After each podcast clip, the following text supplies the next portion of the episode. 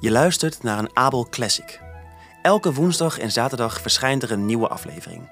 Volg ons in je favoriete podcast-app. Laat een review achter en mis geen enkel luisterverhaal van Abel. Het land onder de grond.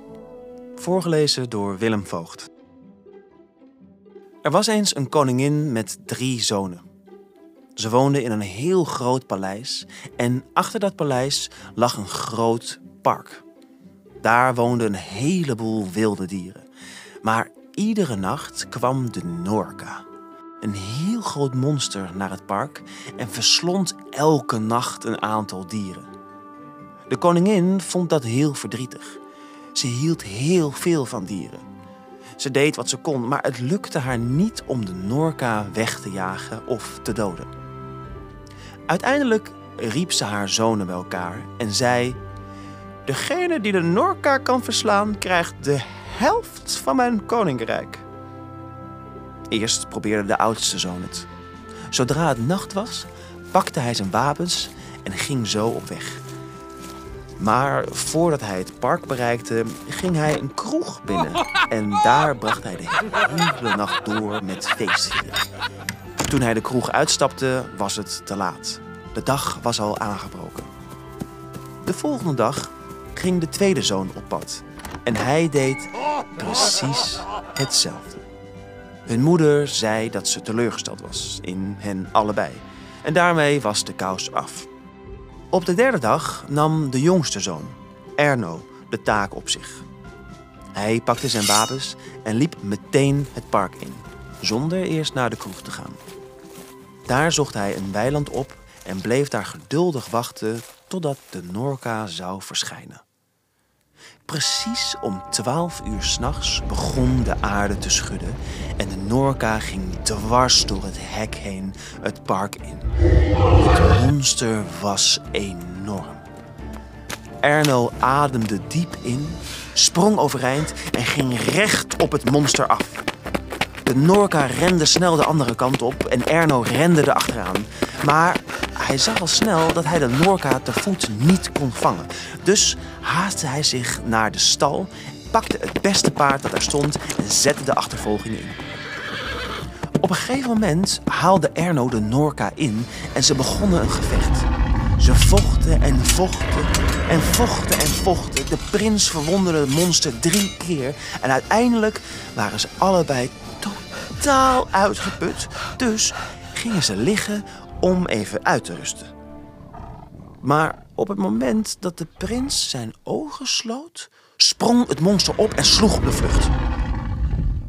De Norka rende naar een grote witte steen, kantelde die omhoog en ontsnapte naar een andere wereld terwijl hij tegen Erno riep: Als het je lukt om hier binnen te komen, dan kun je mij verslaan. Erno ging naar huis, vertelde zijn moeder alles wat er was gebeurd en vroeg haar een leren touw te vlechten, lang genoeg om naar de andere wereld te reiken. Toen het touw gemaakt was, riep Erno zijn broers en samen gingen ze op weg naar de plek waar het beest onder de steen was verdwenen. Daar aangekomen zei Erno tegen de anderen: Nou, broers, wie gaat deze steen optillen? De oudere broers konden allebei de steen geen centimeter verschuiven. Maar zodra Erno hem aanraakte, vloog hij ver, ver weg. En toen zei hij: Wie gaat met mij mee naar de andere wereld om de Norka te verslaan? De broers durfden allebei niet mee te gaan. Ik snap het, geen probleem. Ik ga wel alleen. Laat me in de andere wereld zakken en blijf hier wachten tot ik aan het touw trek. Til me dan weer omhoog. Zijn broers lieten hem zakken en toen Erno de andere wereld onder de aarde had bereikt, ging hij op weg. Hij liep en liep totdat hij een paleis van koper zag. Hij ging naar binnen en zag dat in een van de kamers een tafel met eten klaar stond. Hij ging zitten, at het eten op en ging toen een slaapkamer binnen. Daar vond hij een bed waarop hij ging liggen om uit te rusten. Maar op dat moment kwam er een jonge vrouw binnen die zei: Oh, hallo, eh, hoe heet jij? Ik, ik heb nog nooit iemand ontmoet. Wat leuk. De enige andere mensen in deze wereld zijn mijn zussen en mijn broer. Oh, wacht. Misschien ben jij de prins? Ben jij een prins? Een wijze vrouw voorspelde ooit dat er een prins zal komen op wie ik verliefd zal worden. Oh, ehm, ik, ik ben Erno, zei Erno. En ja, ik ben inderdaad een prins, maar, maar ik weet helemaal niks van een voorspelling. Hoe, hoe- heet jij? Ik ben Lucia. De tovenares zei inderdaad dat de prins Erno zou heten. Jij moet het wel zijn, zei de vrouw. Nou, nou leuk. Je lijkt me wel aardig. Eh, nou, jij lijkt me ook wel leuk, zei Erno. En toen vertelde hij haar alles wat er was gebeurd. Oh, ja, ja, zei Lucia. Ik ken het beest dat jij de Norka noemt. Het is mijn broer. En ja, ik, ik, ik weet het, het is een monster. Vroeger zag hij eruit als een mens, maar toen hij ouder werd, werd hij steeds gemener en gemener. Hij sloeg mij en mijn zussen en werd elke avond heel erg dronken. Hij veranderde steeds meer in een, in een beest, tot hij op een gegeven moment ook eruit begon te zien als een beest. En nu is hij een vreselijk monster. Eh, Het spijt me voor je, Lucia. Ik, ik, ik ben hier naartoe gekomen om hem te verslaan. Vind je dat goed? Het is een monster, maar het, het is wel je broer, zei Erno bezorgd. Hij is al heel lang mijn broer niet meer, zei Lucia. Die avond praten Lucia en Erno uren en uren lang. Ze lachten en huilden en het was net alsof ze elkaar al hun hele leven kenden. Toen de ochtend aanbrak, vielen ze allebei in een diepe slaap. De volgende dag vroeg Erno of zij wist waar de Norka was. Hij slaapt bij de Blauwe Zee, zei Lucia. Zeg hem maar dat zijn zussen hem een goede reis wensen. Hopelijk is zijn volgende leven vrediger. Erno knikte en ging op weg. Toen hij bij de Blauwe Zee kwam, zag hij dat de Norka op een steen in het midden van de zee aan het slapen was. Zijn gesnurk zorgde voor enorme golven in het water. De prins kon gelukkig heel goed zwemmen en zwom zonder veel moeite naar de steen. Hij schudde de Norka wakker, vertelde hem de boodschap van Lucia en hakte toen hap, zijn kop eraf met zijn zwaard.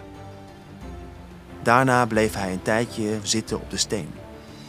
Toen stond hij op en fluisterde: Reis, Norka. Het ga je goed. Hij keerde terug naar het paleis van Lucia. Daar wachtte zij op hem, samen met haar twee zussen. Ze hadden koffers in hun handen. Mogen wij met je mee? zei Lucia. Er is niets meer voor ons in deze wereld onder de grond. We willen de wereld boven de grond wel eens zien. Natuurlijk, zei Erno. Graag zelfs. En toen gingen ze allemaal naar de plek waar het touw hing naar de bovenwereld.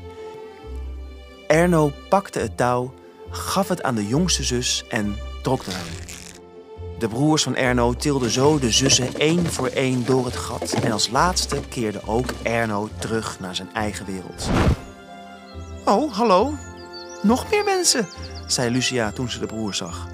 Aangenaam. Ik ben Lucia en dit zijn mijn zussen.